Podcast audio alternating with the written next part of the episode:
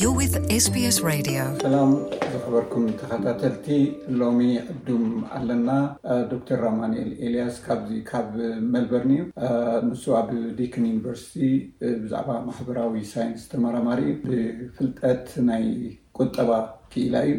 ኣብ ዝተፈላለየ ዓውድታት እውን ዝሰርሕ ዘሎ እዩ። ሎሚ ኣራኺብና ዘሎ ብዛዕባ እቲ ዝሰርሖ ብፍላይ ድማ ኣብ መጻሕፍቲ ኣተኲርና ኢና ክንዛረብ። ኣብዚ ቕሩብ እዋን ሓንቲ ታሪኽ ቤተ ክርስቲያን ካልኣይ ጽሒፉ ኣሎ። ቅድሚኡ ናይታ መቐጸልታ ታሪኽ ቤተ ክርስቲያን ኣማኑኤል ኤልያስ ቅጺ ሓደ እያ። ሳልሰይቲ እውን ኣብ መስርሕ ኣላ ማለት እዩ። ካልእ እውን ዝፀሓፎ መፅሓፍ ኣሎ ሬሲዝም ኢን ኣውስትራሊያ ቱደይ ዝብል ስለዚ ብሓፈሻ ብዛዕባ መፅሓፍቲ ኢና ክነዕልል ብፍላይ ድማ ብዛዕባ ኣብዚ ቁርብ እዋን ኣብ ሕትመት ዘብቅዓ ኣብ ሙሉእ ዓለም ተዘርጊሓ ዘላ ታሪክ ቤተክርስትያን ቅፂ ክልተ ኣተኪርና ኢና ክንዛረብ ግን ከም መባእታዊ ኣፍልጦ ብዛዕባ ዝፅሕፎም ዘሎ ስራሓት ከዕልለና እዩ። የቐንየለይ ዶክተር ኣማኒኤል። ቅድሚ ሕጂ ብዝተፈላለዩ ዛዕባታት ተራኺብና ኔርና ኢና፣ ሎሚ ግን ብፍሉይ ኣብ መጻሕፍትኻ ኣተኲርና ኢና ከንዛረብ እሞ የቐኔለይ። የቐኔለይ በየነ ኣነ ውን ብዛዕባ መጻሕፍቲ ክነዕልል ባህ ይብለኒ። ከመይ መጻሕፍቲ ንዓኻ ቁሩብ ማለትሲ ብዙሕ ኣንባቢ ምዃንካ እፈልጥ እየ፣ ኣብ ጽሑፍ ውን ኣተኲርካ ትዛረብ ኢኻ እሞ መጽሓፍ ማለት ምጽሓፍ፣ ምንባብ፣ ብዛዕባ መጻሕፍቲ ምዝራብ እንታይ ዓይነት ሓጎስ እዩ ዝፈጥረልካ ወይ ብኸመይ ከ ትፈትዎ? ብዛዕባ መጽሓፍቲ ክሓስብ ከለኹ ኩሉ መዓልቲ ዝዝከረኒ ሓደ ሰብ ኣሎ። ንሱ ድማ ዶክተር ክፍሉ ገብረመስቀል ይበሃል። ፓስተር ናይ ምሉእ ወንጌል ቤተክርስትያን እዩ ነይሩ። ኣብ ዕላልና ሓንቲ ዝተዛረባ ዘይርስዓ ሓሳብ ኣላ። ንሳ ድማ እንታይ ትብል እያ፣ መጻሕፍቲ'ሲ ናይ ርእሱ ዓለም ኣለዎ ወይ ድማ ናይ መጻሕፍቲ ዓለም ድበሃል ኣሎ። ኣብ ዝተፈላለየ ክፋል ናይ ዓለም ብኣካል ከይከድካ ወይ ክትበጽሖ ዘይትኽእል ወይ ክትክእል ትኸውን። ግን መጽሓፍ ብምንባብ ነቲ ዝተፈላለየ ዓለም ክትበጽሖ ትኽእል ኢኻ።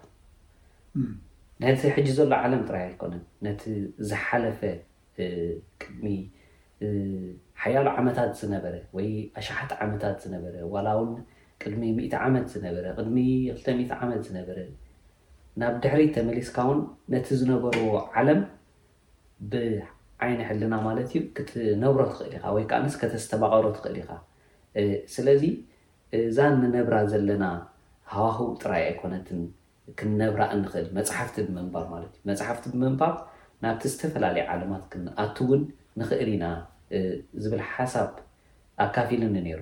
ስለዚ እዚ ፈጺመ ኣይርስዖን እየ፣ ኣብ ናይ መጽሓፍ ነገር ክሓስብ ከለኹ ማለት እዩ።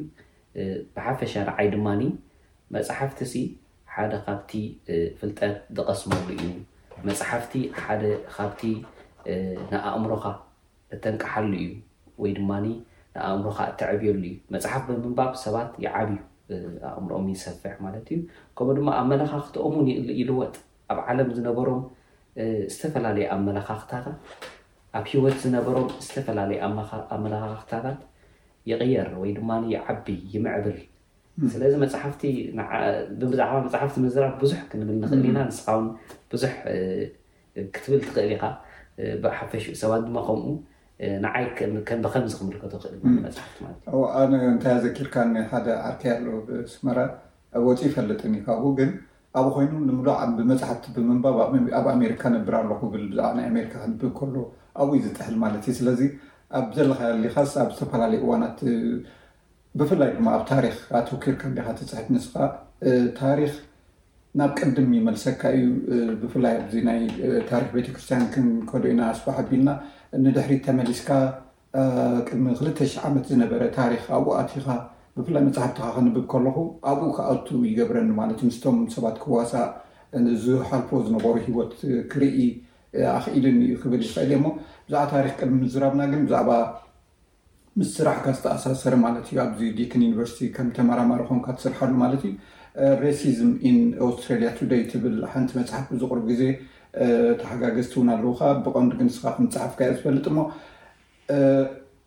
ኣብዚ ኸ ማለትሲ ምስ ታሪኽ ዝተኣሳሰረ ድዩ ወይስ ፍልይ ዝበለ እዩ ማለት ኣብዚ እዋን እዚ ኢካ ትዛረብ ዘለካ ሬሲዝም ኢን ኣውስትሬልያ ትብል ዘለካ ማለት እዩ እዚ ከምስ ታሪክ ዝተኣሳሰረ ድዩ ወይ ብፉሉይ ኣብዚ እዋን እዚ ኣተኪርካ ኢካ ጽሒፍካ እዛ መጽሓፍ እዚኣ እዛ መጽሓፍ እዚኣ ውጽኢት ስራሕ ናይ ኣብዘን ዝሓለፋ ዓሰርተ ዓመታት ዘካየድክዎ መጽናዕቲ እዩ ማለት እዩ ብኹሉ ዓይነት ማለት እዩ ዳታ ብምእካብ ኣብ ህሉው ኩነታት ናይ ኣውስትራልያ ብፍላይ ኣብቲ ማሕበራዊ ኩነታት ብፍላይ ከኣ ኣብቲ ኣብ ዓሌታውነትን ዓሌታዊ ኣፈላላይን ዘተኮረ ማሕበራዊ ኩነታት ናይ ኣውስትራልያ እያ ትድህስስ ማለት እያ ግን ከም ድሕረ ባይታ ምልስ ኢልና ኣብቲ ታሪኽ ምስረታ ናይ ኣውስትራልያ ብሓፈሻ ከምኡ ድማ ኣብቲ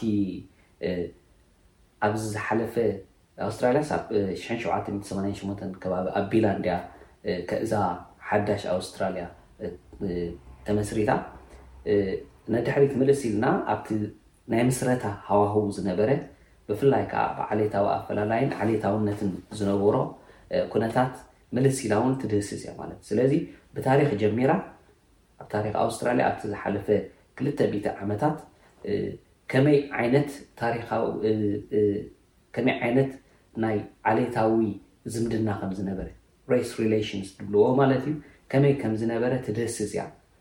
ኣብ ዝተፈላለዩ ከመይ ኢሉ ማዕቢሉ ምስ ሕጊ ከመይ ኢሉ ተኣሳሲሩ ምስ ሕጊ ናይ ኣውስትራልያ ኣብ ሓደ እዋን ዋይት ኣውስትራልያ ፖሊሲ ዝበሃል ነይሩ ንሱ ድማ ኣውስትራልያ ናይ ጸዓዱ ዓዲ ጥራይ ንምግባራ ዝዓለመ ፖሊሲ ነይሩ፣ ንዕኡ እንታይ ዓይነት ቃልስታት ተኻይዱ ንዕኡ ንምምካት ንምብዳህ ማለት እዩ ብዝተፈላለዩ ኣካላት ማለት እዩ ብጸዓዱ ይኹኑ ብጸለምቲ ብደቀባት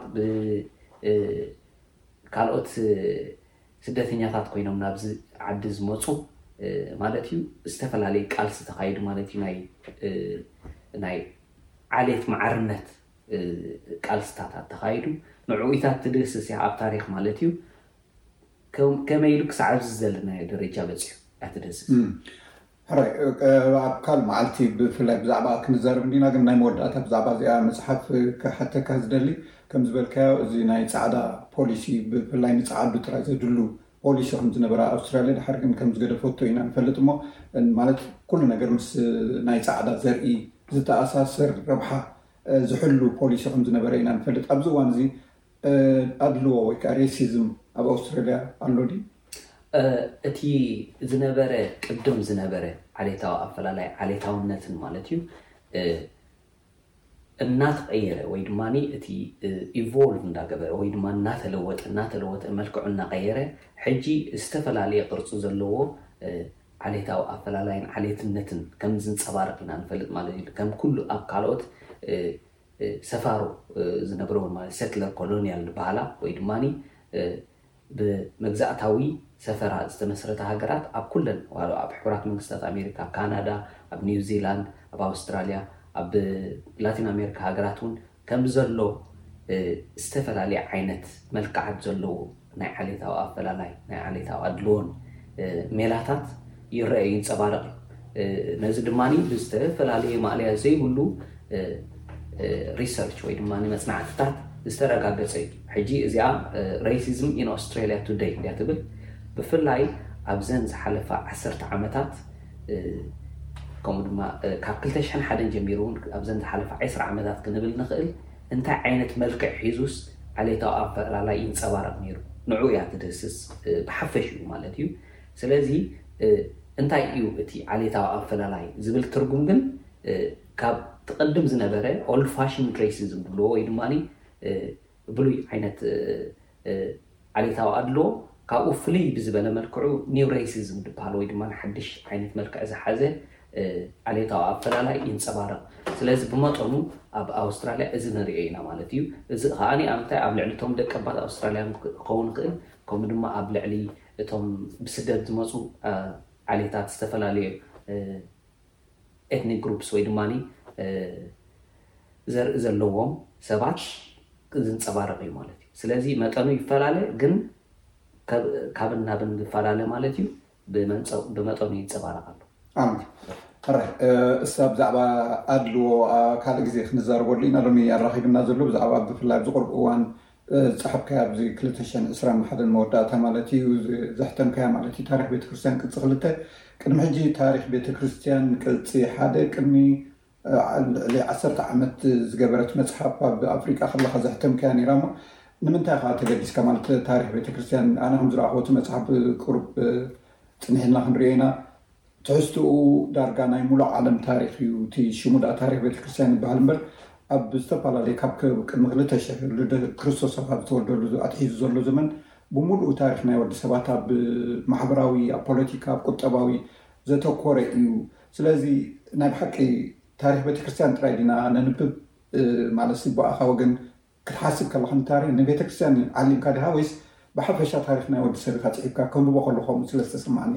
እወ ሓቅኻ ኣለኻ እዚ መጽሓፍ እዚ ብቐንዱ ኣብ ታሪኽ ቤተክርስትያን ድተሃበ እዩ ናይ ቤተክርስትያን ታሪኽ ክንብሎ ንኽእል ኢና ግን ቤተክርስትያን ኣብ ሃዋሁ ዝተሰረተት ኣይኮነትን ቤተክርስትያን ኣካል ናይቲ ማሕበራዊ ዝምድናታት ደቂ ሰባት እያ ማለት እዩ ኣብ ውሽጢ ዝምድናታት ናይ ደቂ ሰባት ዘላ እያ ስለዚ እቲ ታሪኻ ምስቲ ማሕበራዊን ፖለቲካውን ቁጠባውን ፍልስፍናውን ስነ ፍልጠታውን ዝምድናታት ናይ ደቂ ሰባት ኩነታት ናይ ደቂ ሰባት እውን ዝተኣሳሰር እዩ ማለት እዩ። ስለዚ እዛ መጽሓፍ እዚኣ ዋላ ድኣ ታሪኽ ናይ ቤተ ክርስትያን እያ ንበላ እምበር ኣብ ቤተ ክርስትያን ኣብቲ ወዲ ሰብ ዘሕለፎ ህይወት ወይ ድማ ወዲ ሰብ ዘሕለፎ ታሪኻዊ ዝምድናታት ኣብኡ ኣተኪራ ወይ ድማ ኣብኡ ኣብቲ ናቱ መቓን ወይ ድማ ፍሬም ወርክ ኣትያ እያ እንሪኣ ማለት እዩ። ስለዚ ቤተክርስትያን ምስ ዝተፈላለየ ህዝብታት ኣብ ዝተፈላለየ እዋናት ምስ ዝተፈላለየ ስልጣነታት ናይ ወዲ ሰብ ዝሓለፈቶ ምሕላፋት ማለት እዩ ትትንትን እያ ማለት እዩ። ስለዚ ቤተክርስትያን ምስ ናይ ሮማ ስልጣነ ኣሎ። ቤተ ክርስቲያን ምስቲ ናይ ኣብ ካልእ ክፋላት ዓለም ዝነበረ ስልጣነታት ምትእስሳራ ከመይ ነይሩ? ቤተ ክርስቲያን ምስ ናይ እስላማዊ ስልጣነ ዝነበራ ዝምድናን ምትእስሳርን ከመይ ነይሩ? ቤተ ክርስቲያን ኣብ ዝተፈላለያ ኣህጉራት ናይ እስያ ይኹን ናይ ኣፍሪቃ ይኹን ኣውሮጳ ይኹን ከምኡ ድማ ኣብ ካልኦት ክፋላት ናይ ዓለም ዝነበራ ከመይ ኢላ ሓሊፋቶ ከመይ ኢላ ትኸዶ ነይራ እንታይ ዓይነት መሪሕነታት ይረኣያ ነይሩ እንታይ ዓይነት ፖለቲካዊ ማሕበራዊ ቁጠባዊ ፍልስፍናዊ ውሳኔታት ከምኡ ድማ ህይወት ይካየድ ነይሩ ብኸመይ ዓይነት ትጋወር ነይራ ምስዚ ኩሉ ነገራት ስለትድህስስ ናይ ግድን ነቲ ታሪኽ ዓለም ኣብዘን ዝሓለፋ ክልተ ሽሕ ዓመታት ዝነበረ ታሪኽ ዓለም ንዕኡ ብምስኣል ኣብኡ ቤተ ክርስቲያን እንታይ ተራ ነይርዋ፣ እንታይ ተጻዊታ፣ እንታይ ኣበርክቶ ገይራ፣ እንታይ ጽልዋ ነይርዋ ዝብል ኩሉ ትድህስስ ማለት እዩ። ኣብዚ ዕስራ ክፍለ ዘመን መጀመርያ ማለት እዩ ዝተፈጸመ ናይ ናዚ ጭፍጨፋ ኣብ ልዕሊ ኣይሁድ ምናልባት ዶ ኣብዚ ከንብብ ከለኹ ኢንኩዚሽን ዝበሃል ሓደ መምርሒ ነይርዋ ካቶሊካዊት ቤተክርስትያን ኣብቲ ዘመን እቲ ማለት እዩ ንኣይሁድ ክርስትና ዘይተቐበሉ ክሳብ ምቅጻል ክሳብ ምጥፋእ ነይሩ እሞ ክሳብ ክንደይ ሰረት ሰሪቱ ኢልካ ትኣምን እዚ ዓይነት ምፍልላይ ብሽም ሃይማኖት ድሕሪኡ ናብ ፖለቲካ ዓሪቡ ዘርኢ ክሳብ ምጽናት ዝተበጽሓሉ ነገር ስለዚ ቤተክርስትያን ኣብዚ ኣሉታዊ ተራ ተጻዊታ ነዚ ምንጻፍ እዚ ከተንጽፍ ክንብል ንኽእል ዶ ብሽም ሃይማኖት ማለት ኣይሁድ ናብ ክርስትና ስለ ዘይተቐየሩ ጥራይ ብምቅጻል ንእሱ ዝሰረቶ ዶ ይኸውን ሕጂ ኣብዚ ድሒሩ ዝመጸ ኣብዚ ዕስራ ክፍለ ዘመን ማለት እዩ ብሂትለርን ካልኦትን ምጥፋእ ዓሌት ዝመፀ ምስኡ ዝተተሓሓዘ ዶ ኾን?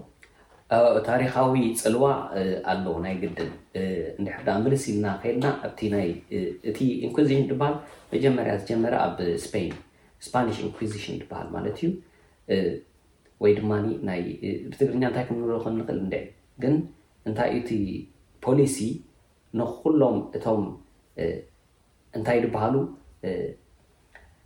መናፍቓን ድበሃሉ ሄረቲክስ ድበሃሉ ንድኾነ ይኹን ምንፍቕና ፈፂማ ቤተክርስትያን ከተጣሊዖ ኣለዋ ብምንታይ ከዓ እቲ ብምንፃህ ማለት እዩ ከተንፅህ ኣሎ ቤተክርስትያን ካብ ምንፍቕና ክትነፅህ ኣለዋ ዝብል ፖሊሲ እዩ ተበጊሱ ማለት እዩ።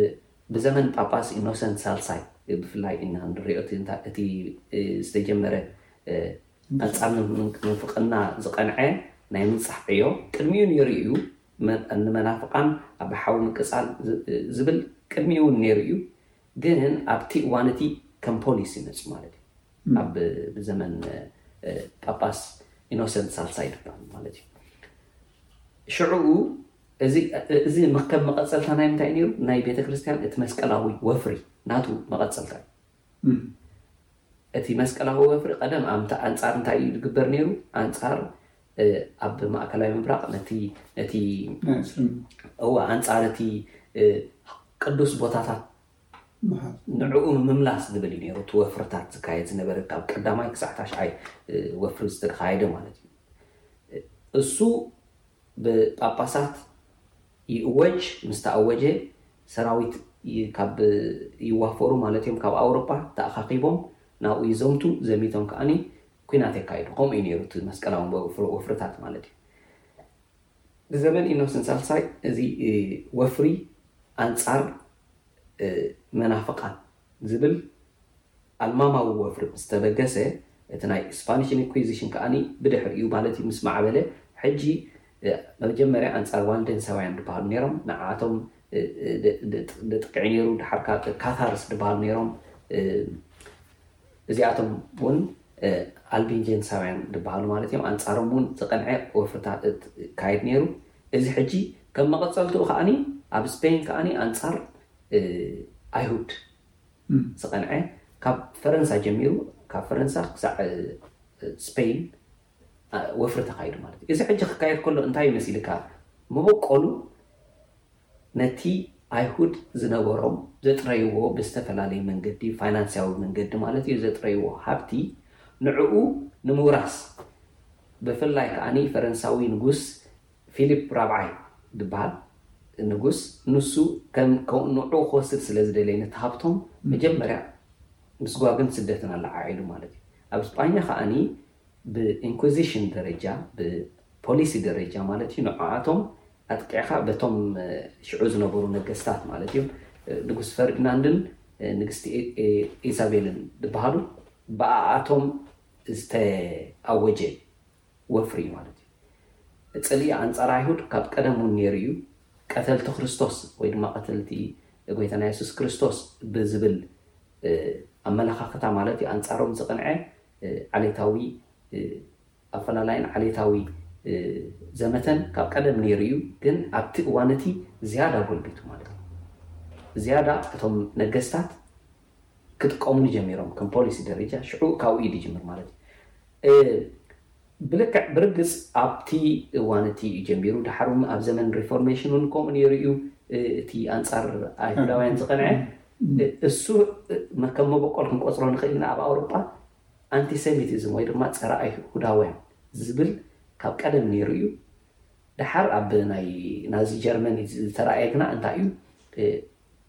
ገባቲ ዝኾነ ስርዓት ሂትለር ስለ ዝለመስረተ እዩ እዚ ሕጂ ምስ ግብትና ወይ ድማ ምስ ቶታሊታርያኒዝም ኩሉ እቲ ኣካልሲ መንግስቲ ወይ ድማ እቲ እቲ ሙቭመንት ንብሎ ምንቅስቃስ ንበሎ ናይ ሂትለር ኣብ ኩሉ ነገር ናይ ሂወት ናይ ወዲ ሰብ ክኣቱ ስለ ዝደለየ እዩ።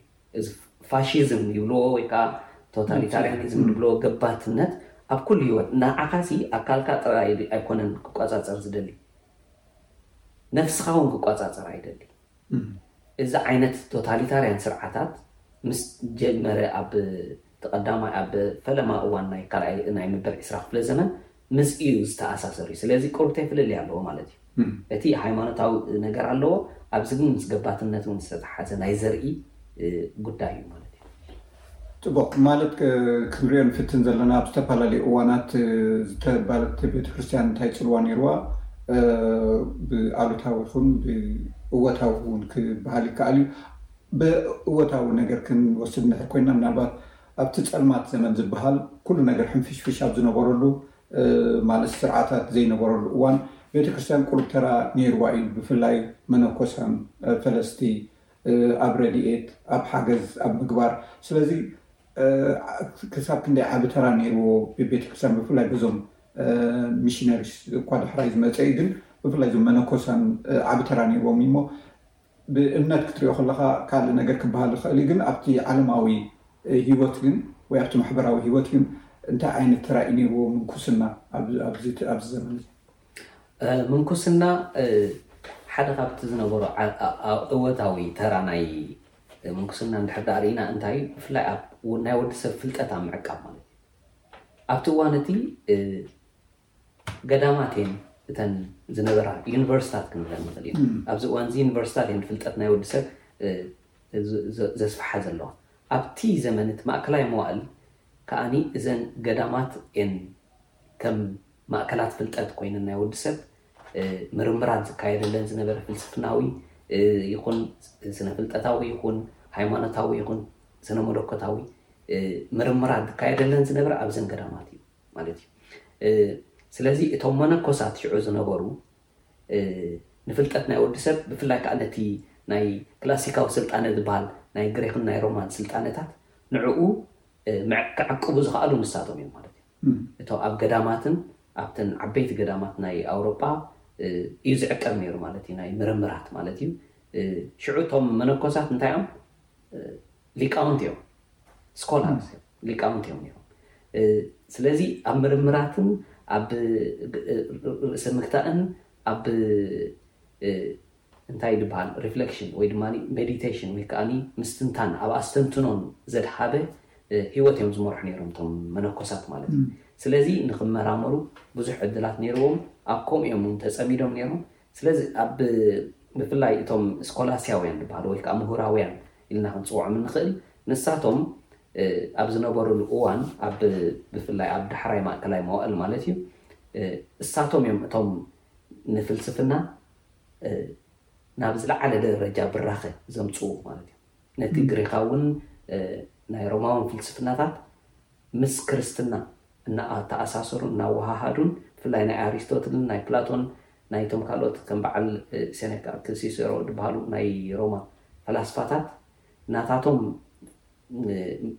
መጽናዕትታትን ምርምራትን ምስ ክርስትና እናወሃሃዱ ናብቲ ዝበረኸ ደረጃ ናይ ምርምር ኣካይዶሞ ማለት እዮም ከም በዓል ቶማስ ኣኳይናስ ዝበሃሉ ተመራመርቲ ወይ ድማ ሊቃውንቲ ማለት እዮም ኣብቲ እዋን እቲ ዝነበሩ ዳን ስኮትስ ከምኡ ድማ ዊልያም ኦካም ዝበሃል ሊቃውንቲ ንሳቶም ነቲ ሕጂ ዘሎ ስነ ፍልጠታውን ፍልስፍናውን ፍልጠት ናይ ወዲ ሰብ ባይታ ዘንጸፉ እዮም ማለት እዩ። ስለዚ ምንኩስና በዚ ሸነኹ እውን ክንሪኦ ንኽእል ኢና። ልክዕ ድማ ከምኡ ድማ ኣብ ስነ መለኮታዊ ምርምር ከኣ ዓብዪ ኣበርክቶ ዝነበሮም ከኣ ንሳቶም እዮም ማለት እዩ። ኣብቲ እዋን እቲ በዓል ቶማስ ኣኳይናስ ማለት እዮም ስነ መለኮታዊ ምርምር ኣብ ናይ ኦግስት ቅዱስ ኣውግስጢኖስ ማለት እዮም ኣብኡ ዝተመስረተ ምርምራት ናብቲ ዝበረኸ ደረጃ ኣብፂሖሞ ማለት እዩ። በዓል ኣንሰል በዓል ካንተርባሪ እዚኣቶም ማለት እዮም መነኮሳት እዮም ግን ከዓ ተመራመርቲ እዮም ሊቃውንቲ እዮም ስለዚ ከምዚ ገይሮም ክዕቅቡ ክኢሎም ድሕሪኡ እዚ ናብቲ ናይ ኢጣልያ ናብ ረናይሰንስ ድበሃል ወይ ድማ ናይ ዳግም ተሓድሶ ናብኡ ክንመጽእ ኢና።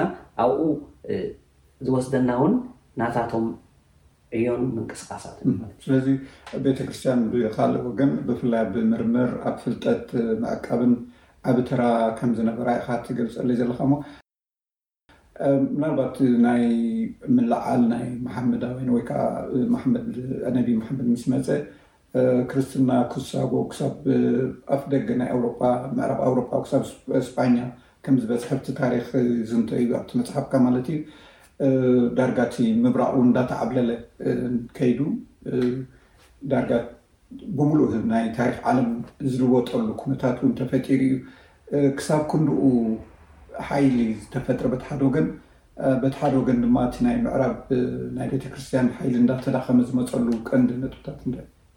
እወ ኣብ። ኣብ ርእሲኡ ምናልባት እቲ ነገር እቲ ቀጺሉ ተዝኸውን ታሪኽ ዓለም እንታይ ምኾነ ነይሩ ክንብል ንኽእል። ማለት እዚ ዘለናዮ ናይ ምዕራብን ናይ ምብራቕን ናይ ክርስትናን ናይ እስልምናን ዘሎ ማለትሲ ባላንስ ምዃን፣ ከመይ ዓይነት ምኾነ ኢልካ ክትሓስብ ከለኻ ከመይ እዩ? እዋ እታ ቀዳመይቲ ሕቶ ክንመጻ ትንሳኤ እስላም ኣብ መበል ሻድሻይ ክፍለ ዘመን እንድዩ ዝጅምር መወዳእታ ናይ ሻድሻይ ክፍለ ዘመን ጀሚርካ ዘሎ ማለት ትንሳኤ ናይ እስላም እንድሕር ደኣ ርኢናዮ ቤተክርስትያን ዘይተጸበየቶ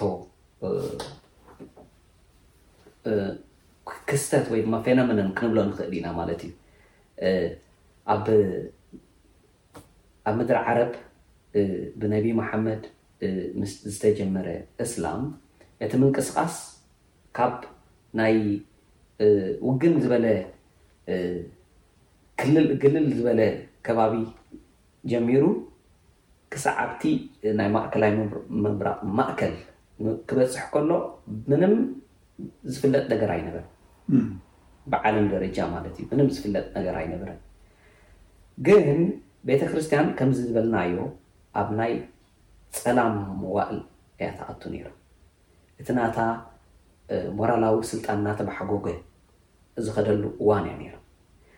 ንባዕላ ኣብ ናይ ውልቃዊ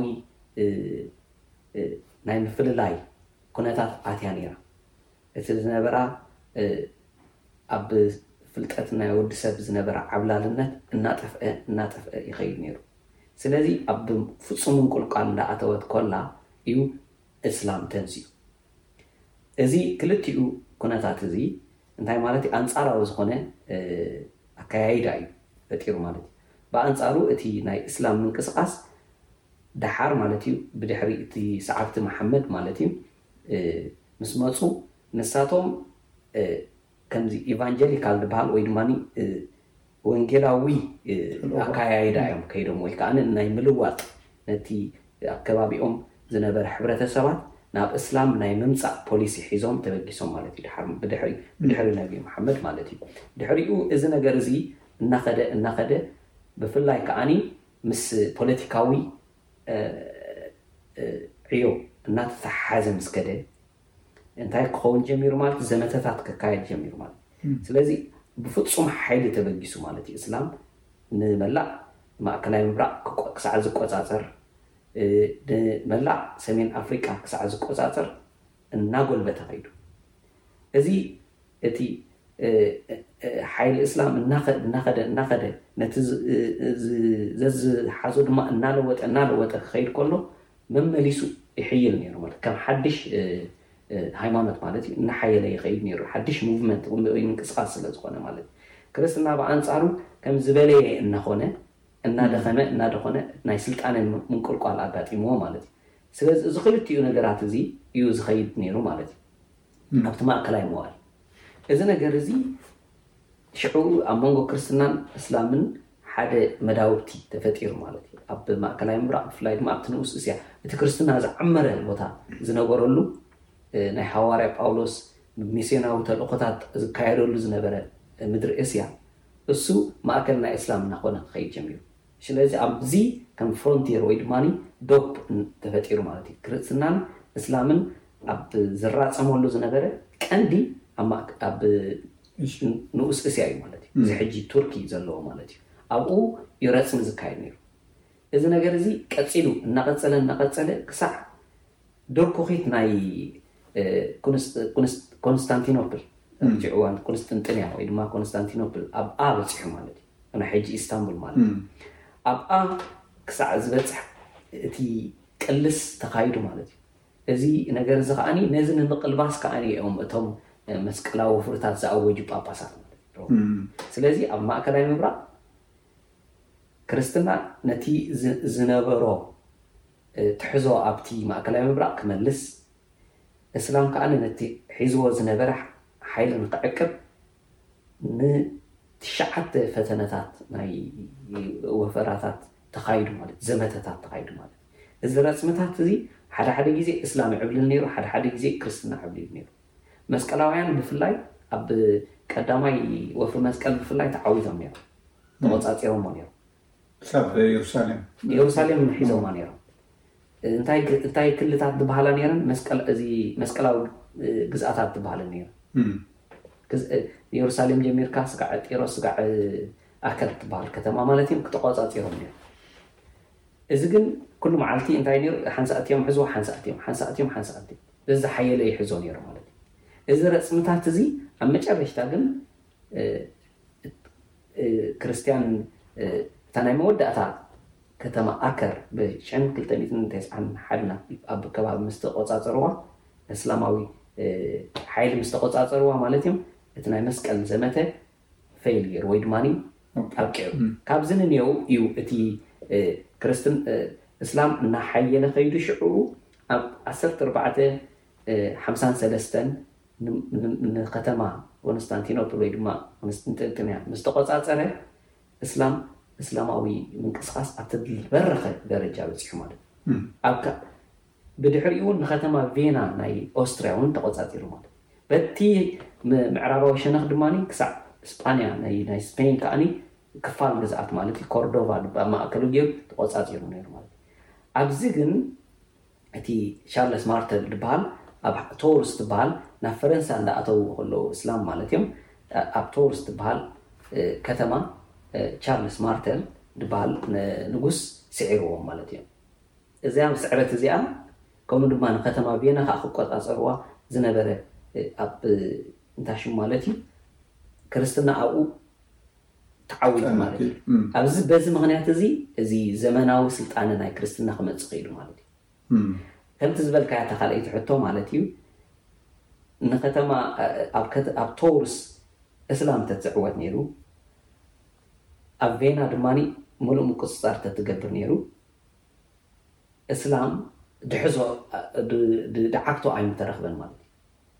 ንመላእ ከተማ ኣውሮጳ ምተቆጻጸ ንባ ንኸ ንመላእ ግዝኣታት ኣውሮጳ ምተቆጻጸረ ነይሩ። ስልጣነ ናይ ወዲ ሰብ ድማ ስልጣነ ናይ እስላም ምኾነ ነይሩ። ስለዚ እዚ ነገር እዝስ ኣብቲ እዋነቲ ተገቲኡ ማለት ከምዚ ንርእዮ ዘለና ማለት እንታይ ኮይኑ ሚዛናዊ ሓይሊ ሒዙ ናይ ክርስትናን ናይ እስላምን ቀጺሉ ማለት እዩ። ኤስቢኤስ ትግርኛ ኣብ ሬድዮ፣ ኣብ ኦንላይን ከምኡውን ኣብ ሞባይል